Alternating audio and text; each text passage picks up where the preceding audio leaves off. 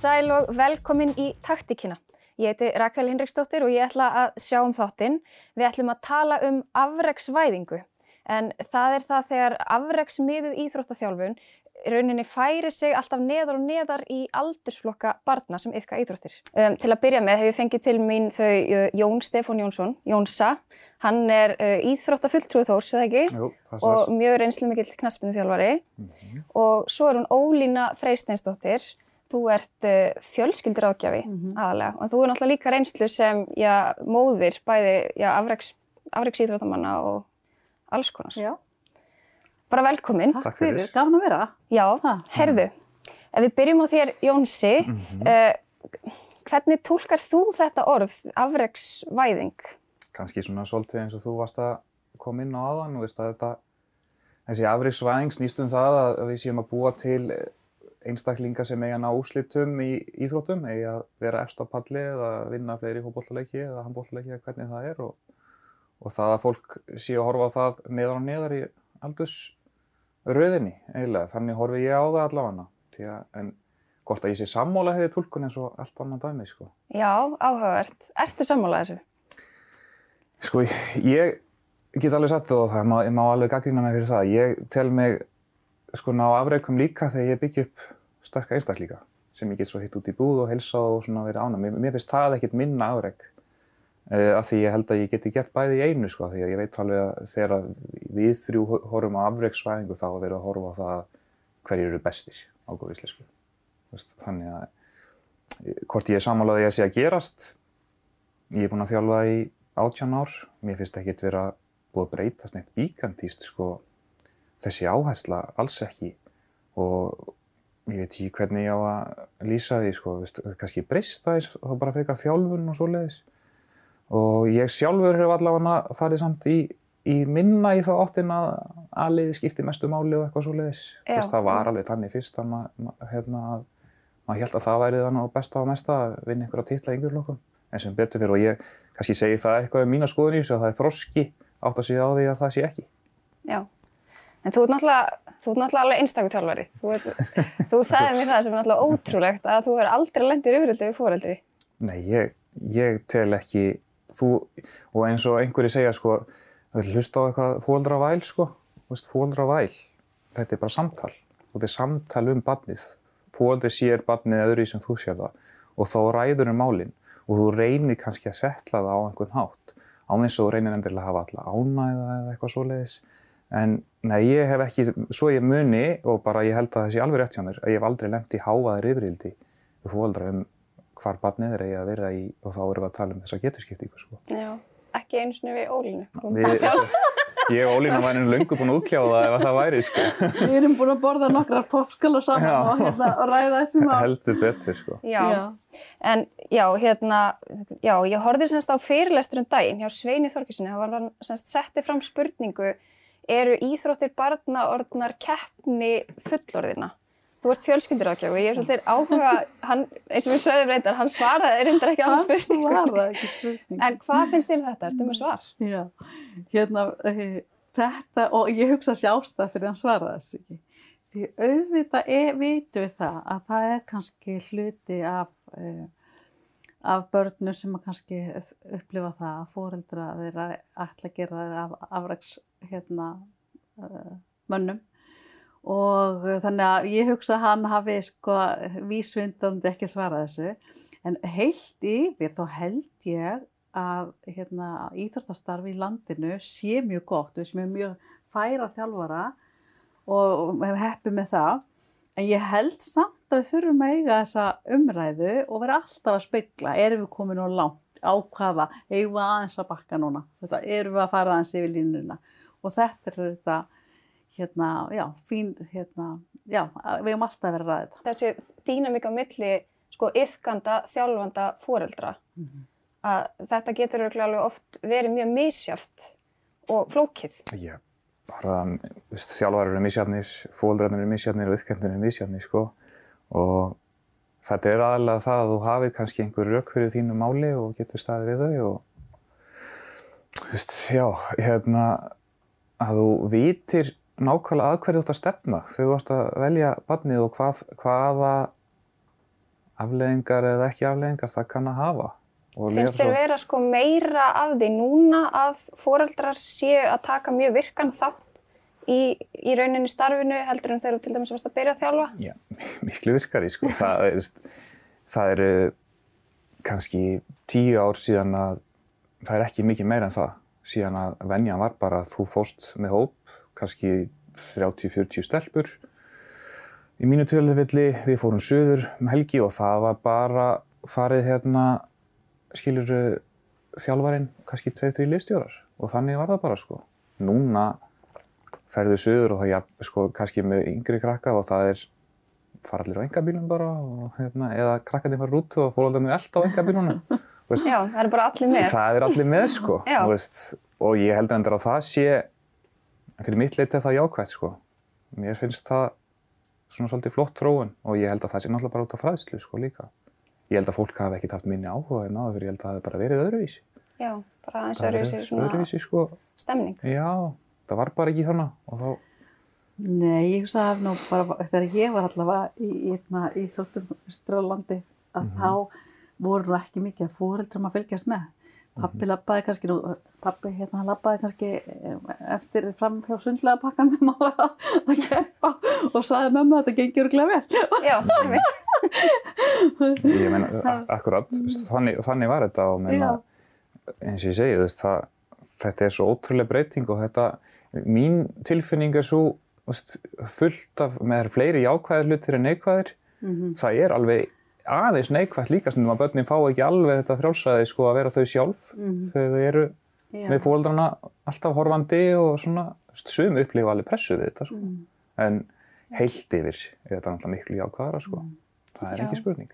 Ég var svona aðeins að spá í sko, uh, þú veist, mér finnst að því ég á barn sem er sex ára og ég fæ oft þessu spurningu, býtu, er hann ekki að æfa neina íþrótt? Svona eins og það sé eitthvað að því og, hérna, og ég veit alveg að hann á til dæmis, hérna, það eru einhverju við jafnaldrar hans sem eru farinir að æfa, þú veist, fleiri en einu og jafnvel fleiri en tvær íþróttir og, og maður fær svona pínu á tilfinninguna að það sé næstum því smá kvöð. Þú veist, ég veit ekki hvort þetta er algengt eða, eða hvað, en ég hef það svona pínuð á tilfinningunni um, og mér finnst svona eins og þetta sé orðið eitthvað sem að á bara vera. Að börn sé að æfa Já. og helst bara sem fyrst, af því annars er maður að missa af einhverju. Getur alveg sko, það er nú gott að Ólína svari þessu líka en fyrir mér, ég held að það sé svolítið það að fólk sé svo hætt við sko að börnin séu bara heim í tölvunni, eins og maður segir og nú skammaði rafhjörðöldi mig mikið því að, því að hérna, það, Það er íþrótt líka. Er líka og líka fylgir því hreyfing. Ég segi fyrir mitt leiti sko, veist, snýst ekki fyrst og fremst um að barni sé bara að fá, sé út að leika sér líka og hreyfa sig eitthvað. Ég held að það séu allir saman á því. Það þarf ekkert alltaf að vera í skipulegu íþróttastarfi sko. Veist, þannig myndi ég svara því sko, ef ég fengi þessu spurningu hvort að, að það væri eskilett en, en það er líka, jú, jú, það er bara eins og þú segir, það er mjög misjandi einstaklingum. Ég myndi aldrei mæla með að þú myndir neyða barnið til þess að fara í íþrótt bara því að þetta er að fara í íþróttir. Mér finnst þetta, þetta góð pæling því að ég myndi að já, ha, ertu ekki með, er, er, er hann ekki byrjað í íþróttum? En veit, bara býtu Að hatt. þetta er svona eins og það sé, þetta sé orðið bara svona hluti hérna af því.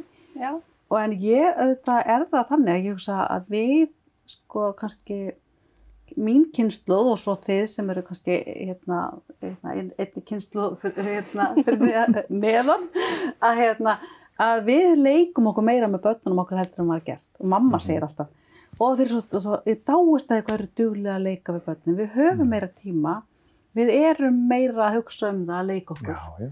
hérna, erum sjálf í boltaleikjum og erum í sundi sem var ekki hérna áður. nei. Þannig að, og það er það sem að hann talaði náttúrulega líka um í hérna, meina það að hérna, þessi maður sem þú vitnar í sem var með hennan fyrirlestur að auðvitað eru hægt að gera ímestlegt að, að huga að þjálfum barsismis með, síns með því að lappa með því upp á fjall eða fara með því í skýði og veist, það þarf ekki að vera hérna, klukkmilli 2 og 3 veist, þrísari Nei. viku Akkurat. Þannig að þetta er bara mjög góð punktur en ég, bara, ég verð verð alveg viðkynni ég verð alveg svona bara, já Hissa. einmitt. Já, eh, kannski, já, það bara er þetta eins og þetta sé eitthvað normið, ekkert endilega bara íþróttastarf, heldur þá bara allt tómstundastarf. Já, í rauninni. Já. Svona, uh, maður fær eiginlega næstu því sko samvinskupið sem fóreldri ef maður er einhvern veginn ekki búin að tróða barninu sínu í, í alls konar eitthvað. Akkurat. Já, og ég skal bara skjóta því hérna inn í að fyrir mér er ég það, sko, það erfiðasta sem að gera sem þjálfari er að fá barnin á aðeingu sem hefur ekki áhuga að vera þar. Mm. Því að það er, það leggur sig ekki fram, hefur ekki áhuga að hlusta á þig. Þannig að ég myndi ekki mæla með því fyrir neitt hvorki fóaldrin í barn, að því við tölum þess að þrenningu sko. Akkurat. Ekki fóaldrið, ekki yðkandan og ekki þjálfaran heldur sko. Nei, einmitt. En sko, það að verða afreiksmaður í íþrótt, það, það er náttúrulega vitað að það krefst mjög mikillar vinnu og metnaðar og alls konar, en þarf, þú veist, sá það dræf, eða þú veist, ef ég sletti, þarf það ekki helst að koma frá, sko, einstaklingum sjálfum? það er bara 100% það, og þ- það er náttúrulega hjálpar rosalega að hafa stert heimili og bakvið sig og backup en, en hérna þú gerir ekkert án stuðning sko en þú gerir heldur ekkert ef þú hefur ekki áhuga á því sko. Þannig að jú, bara það, þú þarft að hafa þetta frá sjálfu þér og, en svo getur það komið frá sjálfu þér þó þú hafið það ekki í þér 8 ára, þá getur það gæst að þú hafið áhuga í 12 ára eða 16 ára sko.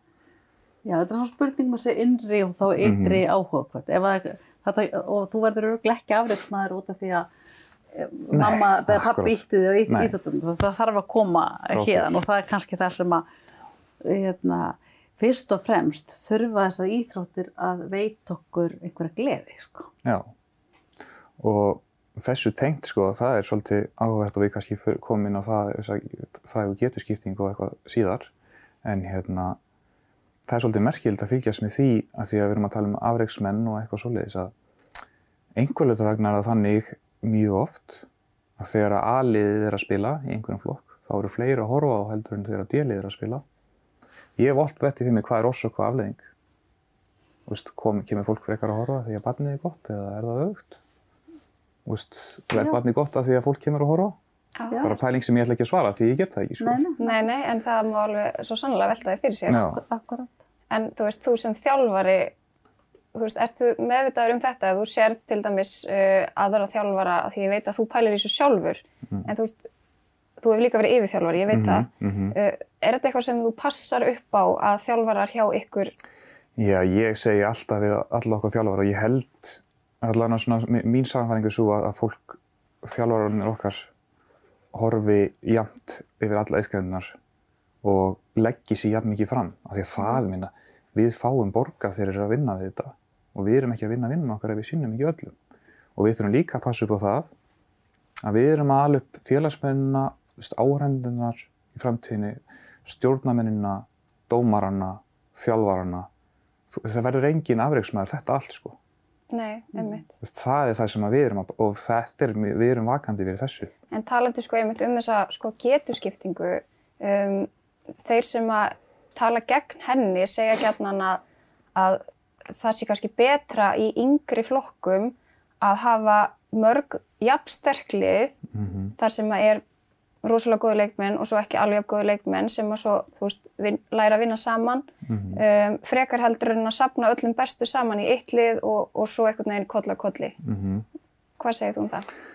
Sko, ég ætla að koma að því að nú veit ég að við erum ekki alveg hérna í ólína sammála en samt, sko, ég, ég hef alltaf sagt að geturskiptingi sé ekki bara fyrir þá bestu. Ég hef hort á það þannig að þú, veist, þú kemur eins og nýliði og að því að geturskiptingin er til staðar, skilur um mig, þá er vont að þú verði hendi í sterkasta hópin. Og mótið kemur, svona bara því að, því að við erum að ræða þetta, þá hef ég aldrei upplifað hinn heiminn, sko. Nei. skilur mig, af því að struktúrin okkar er þannig þegar ég skrá að liða með þetta mót það er gjössalega galið eins og staðan er núna ef það væri skipt í A, B og C lið á mótinu að ég kemi svo bara með þetta dreiföldu. Því þá myndi helmingurinn liðunum mínum gjössalega skítapa öllu leikjónum og sennilega hinn helmingur þá vinna þá alla.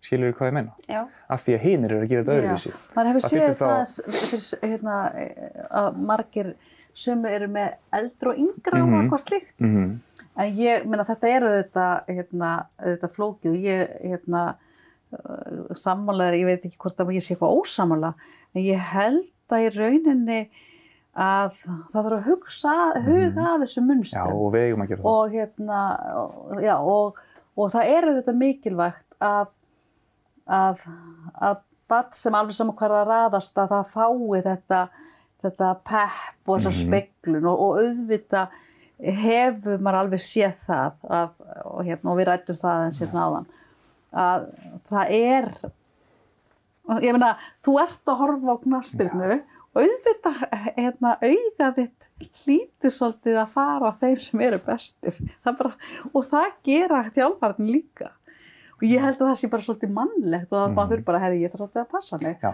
ef ég hef valum að horfa á 15 bændaflokks hérna, blaki baka eitthvað fyrstaflokks þá fer ég að horfi fyrstaflokks það er alveg eðlilegt en mm -hmm. þessi krakkar eru að spekla mm -hmm. veist, að þurfa að fá speklun á aðdáðan og við tala ekki um mm -hmm. að vera ekki stuðningur heima og kannski hérna, pressa að fá eh, þetta sem við bara þurfum sem manneskjur fá hól, klappa bakið, þú ert að gera vel og eh, endurgjöfin á allt þetta sem að gerði og, og, og, og, og þá erum við líka komin að því með þessa getuskiptingu þú ert líka þú far líka pínu for, hérna, Mhm, forgang já. að ef þú spyr, ert alltaf með betrum og það er búið að segja þér og þú ert Mhm. þarna Mhm. þú veist, hvað ertu og- og, og það má ekki gleyma því að þetta hefur auðvitað líka áhrif á já, já. hversu mikla trúðu hafa Mhm. á sér Þetta hefur náttúrulega líka áhrif á félagslífið. Og félagslíf Það gerir það, því þetta, veist, já, þetta stuðlar að hópamyndun og í rauninni er sko sagt besta liðið, næst besta liðið. Mhm. Eða þú veist, í rauninni er talað um það þannig Mhm. og svona frá bara svona venjulegu sjónamiði, ekki íþrótulegu sjónamiði, þá er það náttúrulega kannski ekki mjög heilbrygt Mhm.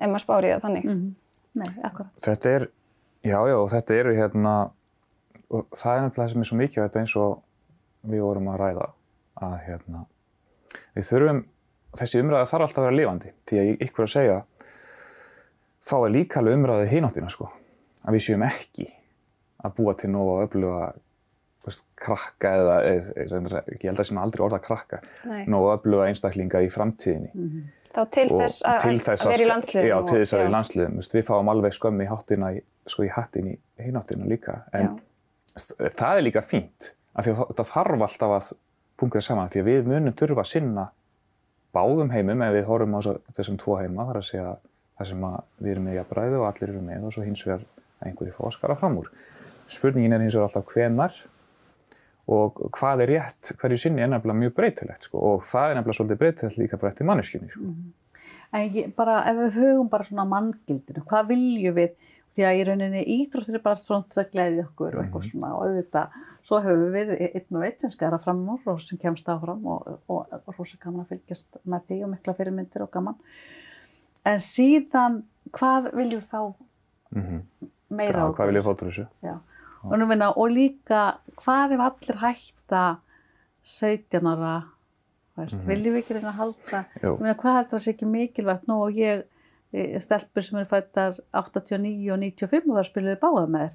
Og, og, hérna, og hvað það er mikilvægt að það sé ekki allir á sama þroskastíð og sama aldri í liði. En hérna, við erum líka bara búin að tala um fótboltan Mm það má heldur ekki gleyma þessari bara á, þessu álægi á börn það er líka, líka svolítið spurning um það, ekki bara Mhm. afreiks hvað, hvað er gott fyrir líkamæður, nú erum við Já. ekki og ég er alls ekki sérfræðingu þar að það þarf auðvitað að passa upp á það Það er alltaf bæðið bara líkamlegan og andlegan þróska. Þess vegna er verið að spá í, þú veist, aldrinum. Já. Hvenær er í lægi að byrja mm.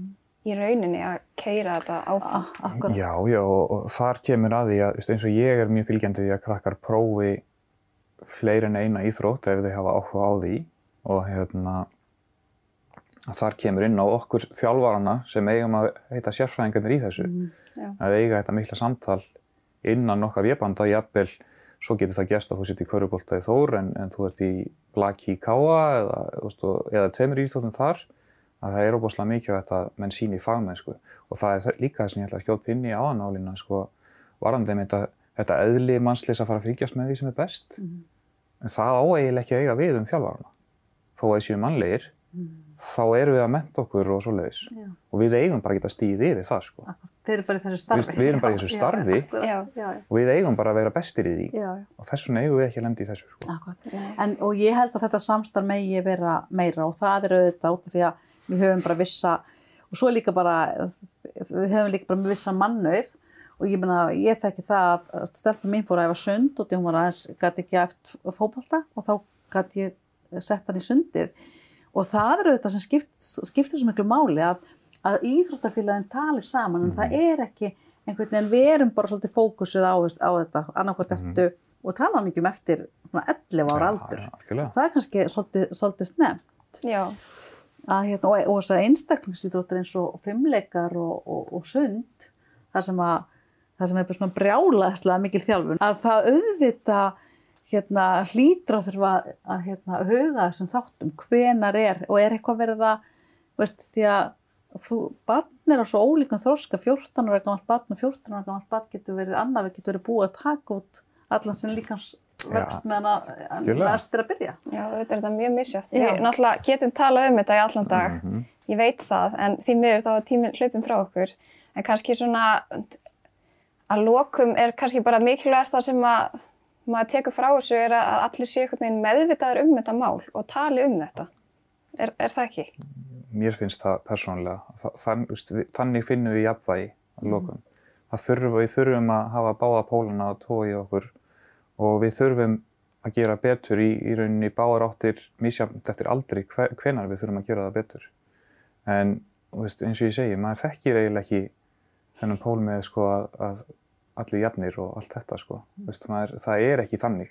Nei, við erum svolítið við erum- kapitalistar í já, veist, sko. við erum, við erum þannig. Sko. Það sé svolítið að þú komur frá Danmörku Já. og bara heyra alltaf, Já. þeir sem fli- koma frá Danmörku, þetta er Já. allt öðru sér það. Já. Þannig að Allir já. Já. En Þetta, er, þetta er bara góð pæling og ég held að sé akkurat að ég tek undir með, við þurfum að ræða þetta, við þurfum að þóra að hafa skoðinu á þessu. Já, og leifa öðrum líka að hafa skoðanir. akkurat. Það er mjög mikilvægt. Herðu, við höldum áfram eftir smá hlið, en eftir hlið þá koma til mín Ingi Þór, sundþjálfari fyrir um afreiksmaður í sundi og hjá framkvæmdastjórn ISI á afreiks- og olimpíusviði og hann Richard, en hann er sem sagt með doktorskráði í Íþróttasálfræði.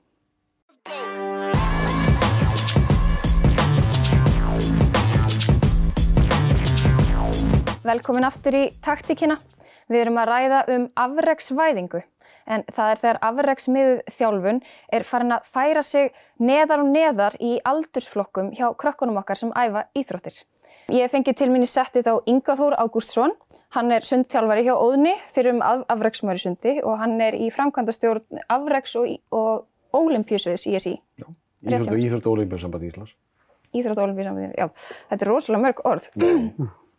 Og svo er Richard og ég hérna, ætla bara að byggja þig um að segja mér, hvernig segi ég eftirnafnið þitt? Dattinen. Tattinen. Já, já. Tattinen, ok, nokkuð það er gott. Þetta er næstu eins og taktikinn. Já, næstu því. Magnað. Herðu, til að byrja með, Ingi, segðu mér aðeins, já, afreks og olimpíus við ISI, Hva, hvað gerir þið þar? Það kemur einu reynu allt sem hefði snýra afreiks íþróttum á Íslandi. Það er að fyrsta fyrst náttúrulega eru olimpíuleikarnir stærstu hlutir þar og svo náttúrulega stuðningu við sérsamband þegar að taka þátt í alls konar verkefnum. En olimpíuleikarnir og allt sem, stý, sem að snýra að olimpíusambandinu er náttúrulega þess að lang fyrirferðarmesta sem við við náttúrulega fáumst við. En svo náttúrulega eigum við að gera margt annað. Í sí náttúrulega hefur afreiksstefnu og í svona grunninn er það náttúrulega eins og við höfum verið að starfa eftir undanfærin árað í rauninni á afreiksþjálfun batna í rauninni á ekkert að hefjast fyrir ná ákveðnum aldri og ISI hefur miðað við þetta 10-11 ár og sér saman þetta eiga að fylgja því en þannig svona við vitum það er allir gangur á því það fer svolítið eftir íþjóttugurinnum en þetta er svona í staðstu hlutu það sem við erum að fást við okkur um degi þetta árið náttúrulega bara að vera stórskriti þetta er ekki búin að halda neina ólimpíuleika og þannig að, já, það að það er margt annað sem að glipur hugan og, og svona umræður sem er bara gaman að taka þátt í og, og hefur verið náttúrulega viðlóðandi í íslenskt samfélag í ára tugi. Já, við erum náttúrulega svolítið hrifin að því hérna á Íslandi að, að, vera, að reyna að vera best í einhverju. Já, erum við ekki bestu öllu? Ég held það, er það Ég ekki? held það líka. En já, já, við erum svolítið bara að glíma við þetta allan dag. Já, en Richard, þú ert með doktorskráði í Íþróttasálfræði Já, og þú hefur líka verið þjálfari, er það ekki rétt hjá mér? jú, Og íþróttamæður sjálfur? já, það passar. Já? Í hvað íþróttum varstu? Svo mér bakgrunn er í ísokki. Svo Íshockey? ég álst upp í Finnlandi, svo það er svona, Já, svona ná, náttúrulegt val að fara í sjálft. íshockey. Já, það segir sjálf. Í Í skíð og stökk og íshockey. Já, Já, já, já. það er oft hrættur að í skíðahopp þá ég kem frá Latti, þar sem skíðahopp er stóra íþróttin. En hefuru hoppað á skíðum? Eh, Bara einu sinni, í svona mjög litlan. En þú ert allavega hér ennþá, þannig að það er Ég er alveg ekki. Heyrðu, hver er svona þín skoðun á svona, já, þessu sem við erum að tala um hérna á Íslandi, þessu, þessari þjálfun ungra barna á Íslandi? Já, ég, svo þetta er náttúrulega kannski ekki nýju umræða. Þetta er Alls umræða ekki. sem hefur til staðar í Fínlandi og Svíþjóð mjög lengi og, og eiginlega svona, bara já, svona svípa umræða um þetta.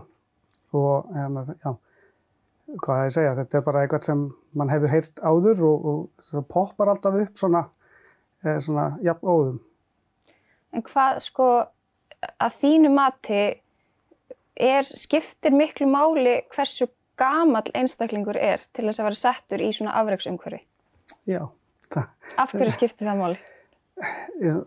það er nú marga ástæðu til þess en, en kannski svona frá svona sálfræðilega hlýðinu þá er náttúrulega börn eru þeir eru ennþá að byggja upp lífsreynslu, þeir eru ennþá að byggja upp eh, bjargráð og þeir eru, þeir eru ekki komin að þann level þess að ef við erum að skilgreina afreks umhverfi eins og veist, mikla ræfingar um, uh, mikla krafi, svo krafir um að mæta æfingu um, og, og svo framvegis. Það er alltaf mjög stressfull uh, umhverfi og börn eru bara hreinlega ekki bara tilbúin í að takast á við það streitu valdar sem eru til í umhverfi sem við kallum afreks umhverfi. En sko, hv- hvenar, hvenar er einhver tilbúin? Veist, er þetta ekki kannski einstaklingsbundið eða veist, hvenar er fólk tilbúið?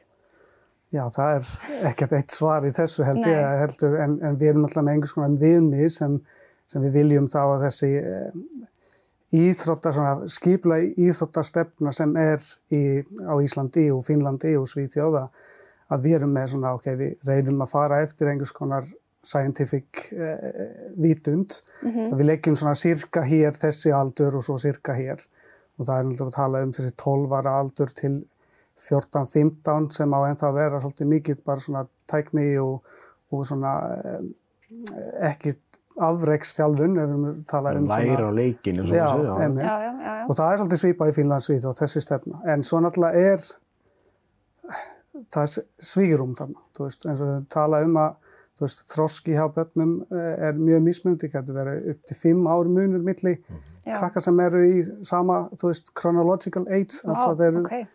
svo hef manna, hérna, það er náttúrulega ekkert við getum sagt að það er, gildir alltaf þetta. Það er náttúrulega ekkert sem við getum sagt. Nei, Þú veist ekki hverju verið árismöður þegar hann er 12 ára, sko, þannig að nei, eins og við höfum verið að ræða, er svo gaman að taka þátt í svona umræði að hérna, að við höfum alveg verið að ræða, við höfum oft séð afreiks íþróttafólk ef við horfa á þessa skilgrinningu sem að hvað er afreiksmaður, einstaklingar sem er að skara fram úr Íslandsmjögum mótum 12, 14, 15 ára, en þessir einstaklingar er ekki að ná árangri eftir það. Og það er ofta spurningar þá allir hinnir að ná þeim, eru einstaklingar búin að, búin að toppa sig á ákveðnum aldri, ná ekkert umfram það. Uh, ég, Það er kannski líka bara erfitt að mæta mótlæti þegar þú ert kannski vanur, þú ert alin upp við það að þú sért kannski alltaf bestur, eða einn af þeim allra bestu, vanur því að vera í aliðinu, vanur því að, að stjórna því, um, þá er bara erfitt að díla við mótlæti. Er, er það ekki? Er sjálfræðingur. Jú, jú, jú, auðvitað er svona líf, lífsreynslan og upplífanir að það takast á við streituvaldar sem eru náttúrulega að koma upp, ekki það að við erum að leggja börn inn í eitthvað streituvaldar, Nei. en heldur að það, mun koma einhvers konar mótlæti í lífinu, að þá er, er við með einhvers konar support system, þjálfarar, foreldrar sem eru hérna til að hjálpa þegar þetta gerist og jafnveg fyrr, helst fyrr, Já, en, en hérna, Það sem ég langaði líka til að spyrja þig var að hérna, þessi umræða fór svona svolítið svona harkalega í gang þegar kom út hérna heimildamindin Hækkum rána. Það sem var, var verið í rauninni að sína já, þjálfunar aðferðir Brynjars Karls sem að var að þjálfa unga stúlkur í Körugnandík uh, og þú talar um 12 ára sé svona viðmiðisaldur. Þarna voru við með stelpur sem voru alveg nýri 8 ára. Um, þetta er náttúrulega kannski mjög íkt dæmi af sko afreiksmiðari þjálfun en, en, en hvar má þetta, hvar má þetta byrja? Þetta er rosalega flókin spurning. Ég sko, veit ekki hvort það ítsast í samanlega, en þetta er bara, mér persónulega finnst þetta að vera allt og allt og allt allt. Já, Og, en ég held að sko, þessi mynd hafi náttúrulega vakið til umræðu og, og góð fyrir sín brúks, hvað var það varðar? Hvernig við sem þjálfarar og hvernig við sem íþrótt og umhverju höfum tekist á við þjálfum batna og ungmenni gennum tíðina. Uh, ég er nú búinn að vera svo lengi í þessu, stundum að tala svo gömur hljónplata að, að þetta er íktast að dæmi sem maður hefur séð. nei, Alls ekki. Og, og fyrir við ég fyrir yngri börn eða? Ég meina, sjáðu bara hvernig rússarnir þjálfuðu sína, sína afreiks íþjóttafólki gennum tíðina. Já, Þeir bara byrjuðu en annars bara í 6 og 7 ára aldri og þú varst bara, við 6 ára aldri áttu þú bara að vera aðri sveimlingamæður og þú varst bara búinn 14-15 ára. Uh, Svona hafa margar þjóðir kýrt þetta gegn. Gömlu austatafsblokkirna voru bara dómeirannandi á þessum tíma og ma- margt má segja hvað, hafa, hvaða árangu þeir náðu og hvernig þeir ko- komu fram við þessa krakka. en hafa samt ekki mörg sko íþróttasambönd í mjög mörgum löndum í rauninni fordæmt svona aðferðir. Jú, jú. Og við hefum náttúrulega gert það sér reyfing á mörgu leiti. En umræðin sem slíka er náttúrulega bara frábær. Ef sjálfsögðu. horfir á þannig. Þá gefur okkur líka bara sem tækifæri eins og þú ert að gera hér að ræða þetta. Af hvað erum við að ná fram með þessu? Erum við að ná til eins og Brynjar vildi meina þessari mynd, hann er að búa til sterka einstakningin í lífið, en er hann að beita réttu meðlunum til þess? Ég er ekki sammálunum, en það er fullt af fólki sem er það. Eh, við, sko, ég meina, þú varst einn af þeim sem skrif undir þessi yfirlýsingu á sínum tíma út af þessari mynd af því að, að við erum bara sem samfélag, við viljum ekki sjá svona þjálfun allavega við sem störfum í henni svona bróður partur þeirra uh, hvenar er afreiksþjálfun afreiksþjálfun, hver er byrjun hún? Þetta er bara mjög flókin spurning Það er að rétt sko. samfélagi vill náttúrulega líka eignast fótballalandslið á, á, á hérna, heimsmeistaramótum og örpmeistaramótum og við viljum ná árangur og olimpíumeistaramótum og, og, og hvenar er, Já, sko, hvenar er að byrja þetta? ég segi allavega fyrir mig að ég, ég var líka íþróttakona, ég veist, æði mikið fótbolta og, og ég tengdi við margt þegar ég horfði til dæmis á þessa mynd um, við það að það, það hefur alveg verið smá áskorun að vera kvennmaður í íþróttum og þú veist, ég viðkynni það alveg 100% en, en maður þarf líka sko að því að hann talar um að þetta sé sko valdefling frekar heldur en að hann hafi reyna búa til afreks íþróttamenn um, en sko það þarf, mér finnst þetta að skilja svolítið á milli, þú veist, þegar þú þjálfari, þú mátt ekki gleyma að þú ert með mannesku. Þú ert ekki með eitthvað hlut sem þú ert að móta. Og, og, og hegðun, sko, þar sem þú ferði um mörk hjá fólki, hún hlýtur einhvern veginn alltaf að vera meiðandi. Já, Já, ég sko, þarna kemur kannski líka þessi skilgreining, skilgreining um, ok, við erum ekki afreks íþrótt vegna að við erum ekki, markmið er ekki búið til afreks íþróttamenn, heldur bara, þú veist, bara sterka einstaklinga. En ef umhverfið er skipulögt eins og afreks umhverfi, það sem eh, einkennist af, þú veist, mikið krafa um að mæta, uh, krafa um að, hérna, uh, gera, þú veist, vinna mikið aukaæfingar, það er um, einhvern veginn umhverfið verður miklu alvarlega. Það er skiptið mikið máli að við gerum hlutina rosalega spesifík, rétt og það svona smítast út í umhverfið að þetta er ótrúlega mikilvægt, ok? Í þessu umhverfi börn mun upplifa að það er, þú veist, mikilvægt að standa sér vel ef við gerum mistök þá hérna kannski verið skammaður eða þú veist, svo, þetta á svona sterk, styrkja barnið sem kannski er ekki alveg málið vegna þess að mjög oft það er þessi streituvaldar kringum því allan tíma og þú, við séum það bara í, í rannsóknum að þú veist, það er aukin álagsmeisli, það er eh, hérna early burnout, dropout, það er eh, isola isolation, sem sagt bara svona eh, félagslega einangrun vegna stóta eða bara fóksar þetta í nýþrótt. Ok, við vitum þetta, þú veist, rannsóknir sína svolítið stert að það er þessi samband, en svo er hitt sem mér finnst kannski mikilvægsta parturinn er að þú veist, ég er að skoða mikið af rannsóknum hjá íþafólk sem eru nú þegar elite athletes eða afreiksfólk og uh, það sem við vitum er stærsta áhættu þætturinn er náttúrulega þegar þetta fólk getur ekki tekið þátt í sín íþrótt. Þeir meiðast þeir þurfa að hætta, mm. þeir verða ekki valin í líði e, og svo framvegis. Þarna kemur stærsta geðheilsu vandamálinn oftast poppar upp. Og það er vegna þess að þú ert búin að búa til einhvers konar ímynd, sjálfs ímynd sem þú sem er, ég er íþjóttumæður, ég er tennisspílari. Það er ekkert plan B. Það, það er ekkert annað sem sagt, þú hefur engin annan identity. Tegur ekkert annað við. En það sem við erum bara að gera með snembær afreiksþjálfun er að færa þetta identity development inn í 8-9 ára krakka. Þú veist, er, er það sem við viljum. Eh, Líkuna eru að þetta hætta, líkuna eru þetta meiðast, líkuna eru, sérstaklega við tökum hugsum um þessi álægsmeisli á þetta. Líkuna eru að þín karriér verður búið þegar þú ert 15, 16, 17 ára. Og ef þú ert bara sér sjálfa því sem íþróttamæður, þá erum við stór vanda. Þú verður með mjög lág, hérna, hvernig það segja, svona fragile self-worth. Allt, Slæma þín eigin sjálfsmynd. sjálfsmynd og svona þín self-worth, hvað er það? Já, Svona gildi. Svona svona sjálfskildi og sjálfsmynd. sjálf, já. Það verður svona brothægt. Já, er. er tengt hvernig gengur íþróttina, hvernig ertu sem íþróttamæður. Þegar það er ekki buddu, smákrakkar með þessi ímynd, þú veist, já. Það skortir vantilega þróskan til að Það er takast á það sem það. ég hef mest áhygg, eða þú veist, Já. svona angle sem ég hef mest áhyggjur. Að því að sko, við erum búin að færa þetta því að sko, allt því olimpíusambandi er með sko, stórt prógram í gangi að grípa þessa afreiks íþróttamenn að hætta á olimpíuleveli. Mm.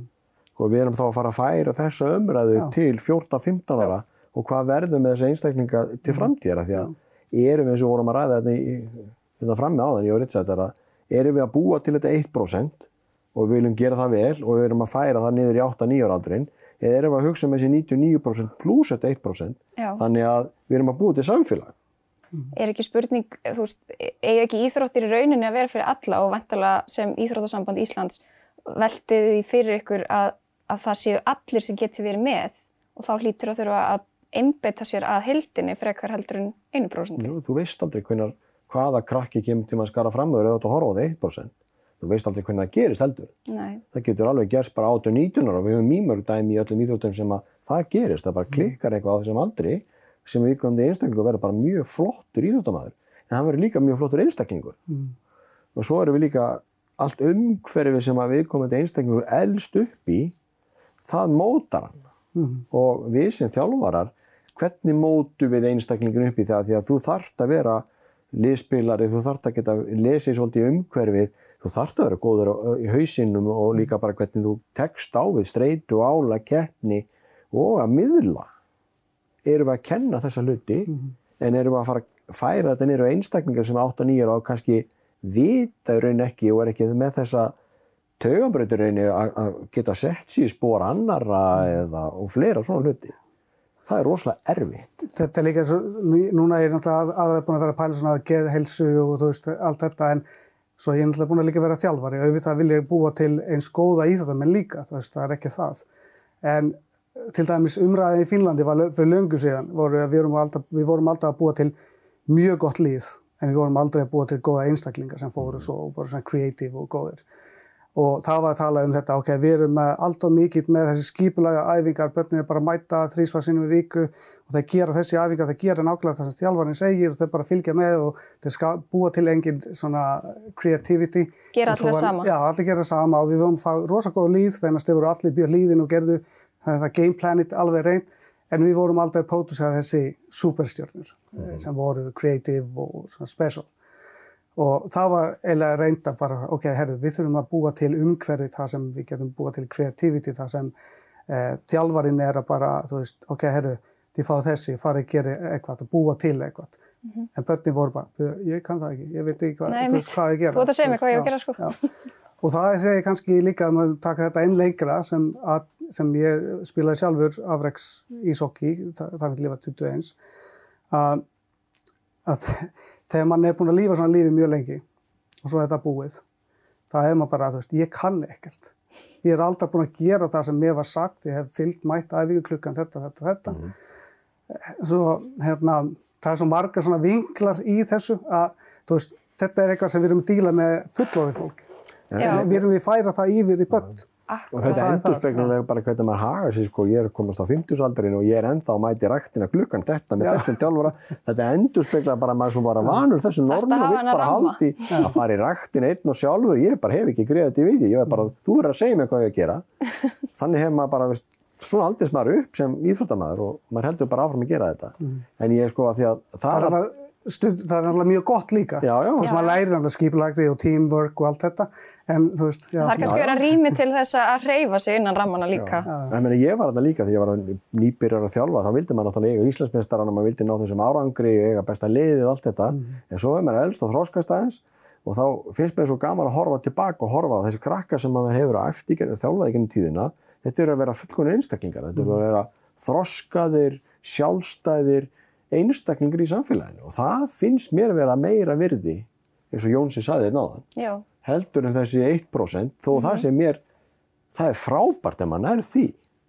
já, En mér algjörlega. finnst bara hitt skipta svo Ég segi bara til dæmis eins og, eins og fyrir mig að þú veist, ég, aldrei, ég var aldrei landsliði í fótbolta en ég myndi allan daginn segja að það að hafa spilað fótbolta hafi gefið mér rosalega mikið sjálfströst Mm.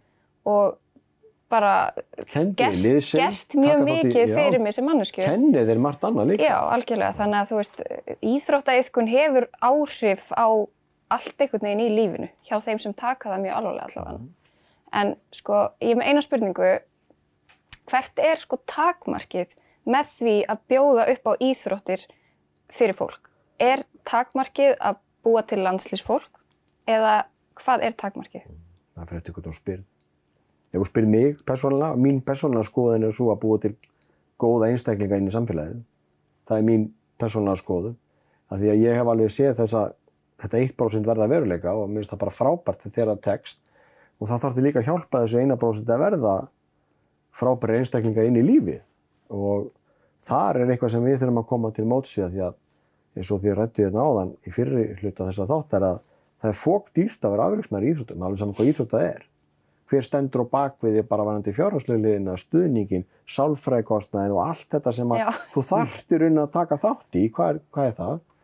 En fyrir mig er þetta bara að búa til einstaklingar sem kunna að takast á við áreiti, við erum að þjálfa því því að bara vera í hóp, taka verið í liðselda því að er ekki lífið, þú þarft að eiga samskipt í lífinu. En hvar er þessi, hvar er jafnvægið? Þú veist, þá vil maður mentalega ekki setja yðkendur í aðstæður þar sem þeir líður illa eða eru óþægilegar.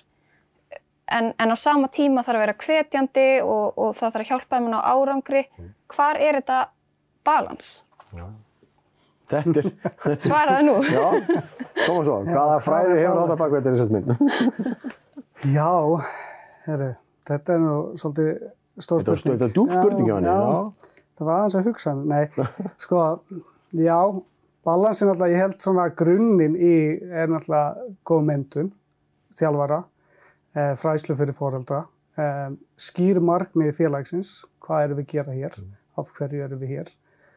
Um, þetta er svona grunnþætti held ég, svona skýra policy fyrir hvað, fyr, hvað fyrirtækið, Fyrir, hvað þetta eru eiginlega fyrir Þetta er fyrirtækja hérna að, hvað, hvað, hvað stefnan er. Og ég held að það er oft til staðar en svo er kannski það sem hvað er veruleikin, erum við að fylgja eftir þessu sem er rosa erfitt? Um, já, en þú veist, þessi er kannski svona grunnþætti sem það er, og ég held að það er mjög vel til staðar á Íslandi, ég held við erum á Íslandi standa okkur rosa vel í þjálfun og Sem að ég bara rétt aðeins forðan þess að þegar maður ræðum Maðursson því að nú þekki ég hvernig formið er í Finnland og ég veit hvernig það er í Svíþjóð, Noregu og Danmörku. Þar eru fóreldrar svolítið mikið í þjálfun já, og það fer svolítið bara eftir hvernig, hvaða einstaklingur sem fóreldri hann hefur mentað sér til að vera þjálfari. já, Að, það lítur að vera svolítið svona kultúrsokk fyrir því að mörg, mörgu leiti að koma frá Svíþjóð á þeim tíma Já. til Íslands í, sem þjálfarin. Að Já. að Þú varst þá vantarlega búin að menta þig sem þjálfara já. og kom inn í umhverfið það sem eru fullt af mentuðum þjálfurum. Já, svo það var, ég náttúrulega að sjá það kannski ekki strax, þess að ísokki var svo lítill, ég náttúrulega sá bara það fyrst. En, en já, það er alveg rétt að þér í Svíþjóð og Finnlandi, það er mikill svona sjálfbáða starf, það er kemst á eða pappa sem er þjálfa.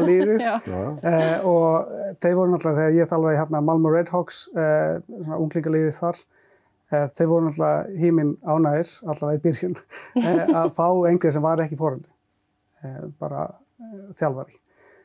Og svo þegar ég kem hingað, þá, þá upplifði ég þetta, þú veist, við þú fá bara þjálfara að borga þér. Veist, þetta var mín svona hugsun. Þú veist, í Svíþjóð, þú veist, þá að koma inn upp í elít sem sagt félag, Mhm. það var ekkert borgað laun fyrir nema kannski bensínpenningar eða eitthvað. Já, Og svo kem ég hingað Já. og þá er, þú veist, borgað fyrir þjálfara, mentaða þjálfara að sjá um börnum. Í Svíþjóð og Fínlandi sá við það í Þannig að við erum Og kannski alveg að standa okkur Já, nokkuð meina, vel. þetta er það sem hefur náttúrulega, sko, allir að spyrja um þetta íslenska mótil af hverju ná við þessum árangri sem 330 manna þjóð. Við eigum sko ótrúlegustu íþróttamenn og hugsa út í þannig. Mhm. að þetta er mótili sem að margar þjóðir horfa til að því að 60-70% af innkomin í félögum í Svíþjóð er fyrir að borga húsalegu til, til sveitafélagana að meðan það fyrir að borga laun í okkur. Já, Þannig að, og við erum að menta þjálfaran, við erum að ráðin hæfa þjálfara til þess að standa að, að búa til þessa einstaklingar sem við viljum hafa í liðunum. já, en ef við spáum í sko, því sem við erum búin að ræða hérna með þessa afreiksvæðingu, að, veist, að þetta er greinilega á nokkuð góðum stað, semst þjálfun á Íslandi, en, en það er þá kannski bara mikilvægt að halda áfram umræðinni og passa upp á það að hún sé að laumast alltaf neður, nið, neðar í aldri. Hvenar þessi sérhæfing, eins og Sveit talaði með sínu fyrirlestri og, og, ég veit að þau töluðu minni fyrir segmentinu á þeir, að hvenar allar að byrja þessi sérhæfingu? Eins og við vitum alveg að eins og ísokki það er rosalega erfitt að koma inn 11-12 ára ef þú kannt ekki að skauta. Það hefur aldrei tekið þátt í hópið eða nema á sitt afburða íþróttamaður, Já. bara svona eðlinu. Það var alveg erfitt að koma inn í sundi 12 ára og kunni ekki að synda.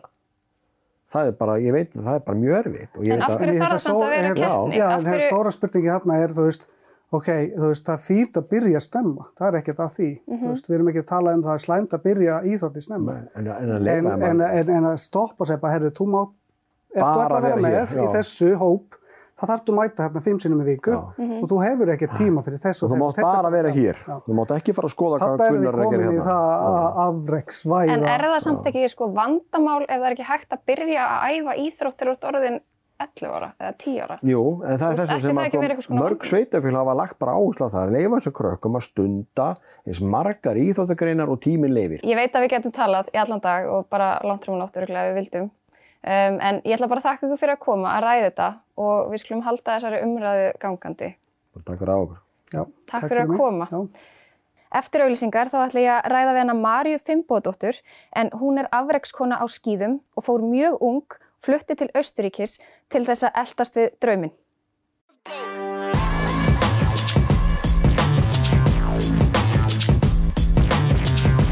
Velkomin aftur í taktíkina. Við erum að ræða um afreksvæðingu og það er mjög áhugavert að heyra sjónarhorn einhvers sem að hefur í rauninni staðið í þessum sporum sjálfur. Hún Marja Fimboðdóttir er komin til mín, hún er skíðadrottning, afrekskona á skíðum. Velkomin Marja. Takk fyrir. Takk fyrir að koma. Bara mín ránaðin. Heyrðu, mér finnst svo áhugavert að heyra uh, hvernig er að vera í rauninni mjög ungur, fara að heiman og í rauninni ákveða að maður ætli að verða bestur í einhverju og bara fara og gera það svona ungur. Um, Alltaf erfitt að svara þessu, þetta fyrir mig hefur alltaf verið bara uh, svo hérna klárt í haustum að ég hef aldrei hugsað mig um hvað ég ætla að vera. Hvaðan kom þessi metnaður? Uh, sko ég veit það ekki. Ég, ég ætla hann að mann eftir að hafa leikt mér í Barbie og verið bara mamman er heimsmyndstari á skýðum. Og ég veit ekki frá hvernig þetta kemur uh, þannig sé sko. Ég, þetta hefur alltaf verið svona fyrir mig. En hvernig er það þá þegar maður er í rauninni eins og þú búin að í rauninni bara sjá þetta fyrir þér frá því þú varst pínu lítil. Hvernig er það þegar eitthvað kannski gengur ekki alveg eins og þú vildir eða þú meiðist eða eitthvað svona mútlæti? Það er svolítið hérna, þessu tuska í andliti sko, svolítið erfitt. Um, það er svona held ég fyrst sko, þegar maður kemur út það sem er miklu harðara samkeppni og svona, uh, þá er það svolítið erfitt að átta sig á því að Ísland er ekki allir heimurinn. Eða fyrir mig sko að fatta það þegar ég er 14 að hugsa, ok, uh, fyrst þá maður svona underdog, kannski hérna, ég byrja ekkert að vera best á skýðum þannig. Og svo fyrir maður út og þá byrjar maður alltaf frá núl aftur. Maður byrjar frá núl og það er aftur að vinna sig upp. En núna er maður svolítið búin að fatta að ég sko að það er alltaf svona stig. Og maður byrjar alltaf á núli og vinnur svolítið upp og svo er alltaf næsta stig og næsta stig og næsta stig en þegar maður veit þetta ekki þá er svolítið erfitt veist, að vera allt í hennu komin eitthvað og vera ekki nálægt því að ná að toppin þú veist, og vera bara oh my god, ég uh, sem ætla að vera þetta, veist, minna einhvern tímann hafast. En um, núna þegar ég er búin að vinna mig upp, þú veist haust, fyrir mér, veist, að vinna mig upp um kannski tíu level eða eitthvað og byrja á nulli og komast upp og fara næsta level. Um, þá hugsa ég svona, ok, þetta er núna bara verkefnið og svo verður maður betri, þú veist. Þannig að það er svolítið ég er búin að komast að því fyrir mig allavega. Já, en þegar þú lendir í einhverju svona mótlæti, rennu, þú veist, dettur þér einhvern tíman í hug, bara af hverju er ég að þessu? Já, guð, ertu ekki að grínast, já. Ég, sko, ég held að allir lendi í því að vera bara af hverju er ég að þessu, bara ah, get ekki verið heim, fara í skóla, fara að chilla, vera ekki aðeins alltaf einhver svona vesenast, en, en svo er þetta skrítið, ég að er held ég háð því að haf, vera alltaf að hafa fyrir einhverju, þú veist, eru að berjast. Og ég ætla hann að meiðast uh, núna í haust sko í fyrsta sinn svona alvöru. Og þá, það hefur alltaf verið sko þetta hefur maður dottið og meitt sig og það er alltaf kannski eitthvað að svona en lítið en það hefur alltaf verið hjá mér sko komin í sjúkrahús, kannski farið með sjúkrabíl og svo kemur læknirinn og segir uh, vá, þú veist mjög heppin, það er ekkert að. Og þegar ég mittist núna þá er svolítið löng byð í að það kom þyrla að segja mig við förum á sjúkrahúsið og það fara allir að brosa og ég hugsa aftur bara, vá, ég er ótrúlega heppin, ég er aftur heppin, yes, yes, yes og svo kemur læknir og segir, heyrði, það er bara krossbandið. Og þá bara, óh, hrundi heimurinn minn bara, nei, það, ég var ekki heppin, og veist. Og ég bara, óh, ég var ekki heppin núna, veist, hvað næst? Og ég aldrei gengi gegnum að vera mittur og meiga ekki gera neitt. Þannig að það var rosalega skrítið. Ertu, sko, þú segir þetta segir raun svona í fyrsta skipti sem þú lendir í, þú veist, meðslum, en Mm. svo eins og þú segir þegar þú kemur út, þá er, þá er svona pínlítið sjokk að einhvern veginn byrja aftur á byrjun og svona, hefur verið meðvituð um það í gegnum þinn feril að til dæmis, þú veist, sækja þér hjálp eða hugsa um svona sálrænu hliðina á þessu? Já, klálega, mjög mikið. Uh, svona gegnum tíðina, sko, mitt líf úti í Austuríkja sem ég verið mest, uh, þá hef mér alveg svolítið leiðist kannski og út frá því hef ég svolítið byrjað í að um, mér varst alltaf mjög óþæld að keppa var rosalega stressuð og ég var alveg stressuð núna líka. Og í einhverju fríi kannski þegar ég byrja að hugsa uh, ætti það ekki að vera gaman að keppa, þú veist, hvað, hvað ég vildi óska að vera alltaf gaman. Og ekki svona, mér finnst alltaf gaman að æfa, ekki gaman að keppa kannski. Það tók svolítið mikið á og þá fór ég að hugsa, uh, ætlaði að geti verið gaman og þá fór ég að lesa svona hérna íþróttasálfræði, bækur og hlusta podcast og bara hann að pröfa sjálf. Og út frá því hef ég svolítið kannski svona búið til, til aðra útgáfa af mér þannig sko.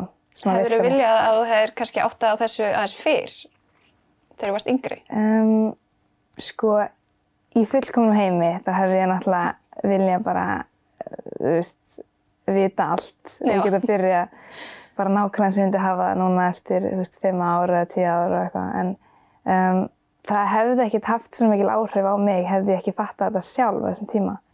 Þannig að ég hugsa allan allt, allt líf mitt íþróttulega séð eða persónlega Já. að það er allt eins og það á að vera að því maður fattar þetta sjálfur og læra þetta sjálfur. Þannig að nei, ég hugsa, ég hefði ekkert vilja vita þetta fyrr, sko. Nei. Eða svona, myndi ég segja. En sko, mælur þú með þessu? Mælur þú með því fyrir, nú erum við bara tölum um sko afreksvæðingu, að þú veist, það er farið að, að, rauninni koma með svona afreksmiða þjálfun á krakka þegar þeir eru mjög ung. Já. Þá við að tala um miklu yngri til dæmis heldur en 14, við tala kannski 8, 9, 10 ára. Um, mælur þú með þessu? Nú get ég bara sagt frá sjálfur mér. Og það sem ég er búin að fatta núna er að ég hef grætt rosalega miklu á um, því að fara í gegnum lífi eins og ég gerði það. Afreiksmiðað ég horfa það þannig að það hjálpi mér í starfinu sem ég mun fara í, hvað mun gera, uh, viðhorf mitt til alls, hvernig ég ger hlutina. En það, mér finnst annað að vera að þvinga þetta upp á krakka. Af því að uh, ég ákvað allt mitt sjálf og það var ekki mamma og pappi sem ítti mér út í neitt. Uh, ég hefði ekki viljað hafa þannig fyrir mig að ég hef verið ítt, mér hefði verið ítt út í eitthvað svona. Þannig að ég held að sé kostur og gallar við þetta þannig sko. Það er bara mjög áhugavert að heyra sko álit einhvers sem hefur rauninni farið í gegnum svona heim og svona feril. Mm. Um, að því að við hinn sem öll þykjumst hafa vitalt og, og hafa skoðun á öllu að við í rauninni vitum náttúrulega ekki hvernig það er að vera þarna Já, í þessum aðstæðum sem þú hefur náttúrulega verið í og, og mynd verið í áfram á því að þú ert að fara að rífa upp úr þessu crossbandastætti og halda áfram. spurning. En það ekki? Jú, jú, jú. Gangið vel og takk kærlega fyrir að koma í þáttinn og segja okkur frá þessu. Takk, takk. Þá er taktikin ekki lengri að sinni. Takk fyrir að horfa. Mér langar að minna á að taktikin er alltaf aðgengileg á N4 safninu hjá Sjónvarpi Símans, á Facebook síðunni N4 Sjónvarp og á n4.is sem á allir okkar þættir. Verið sæl!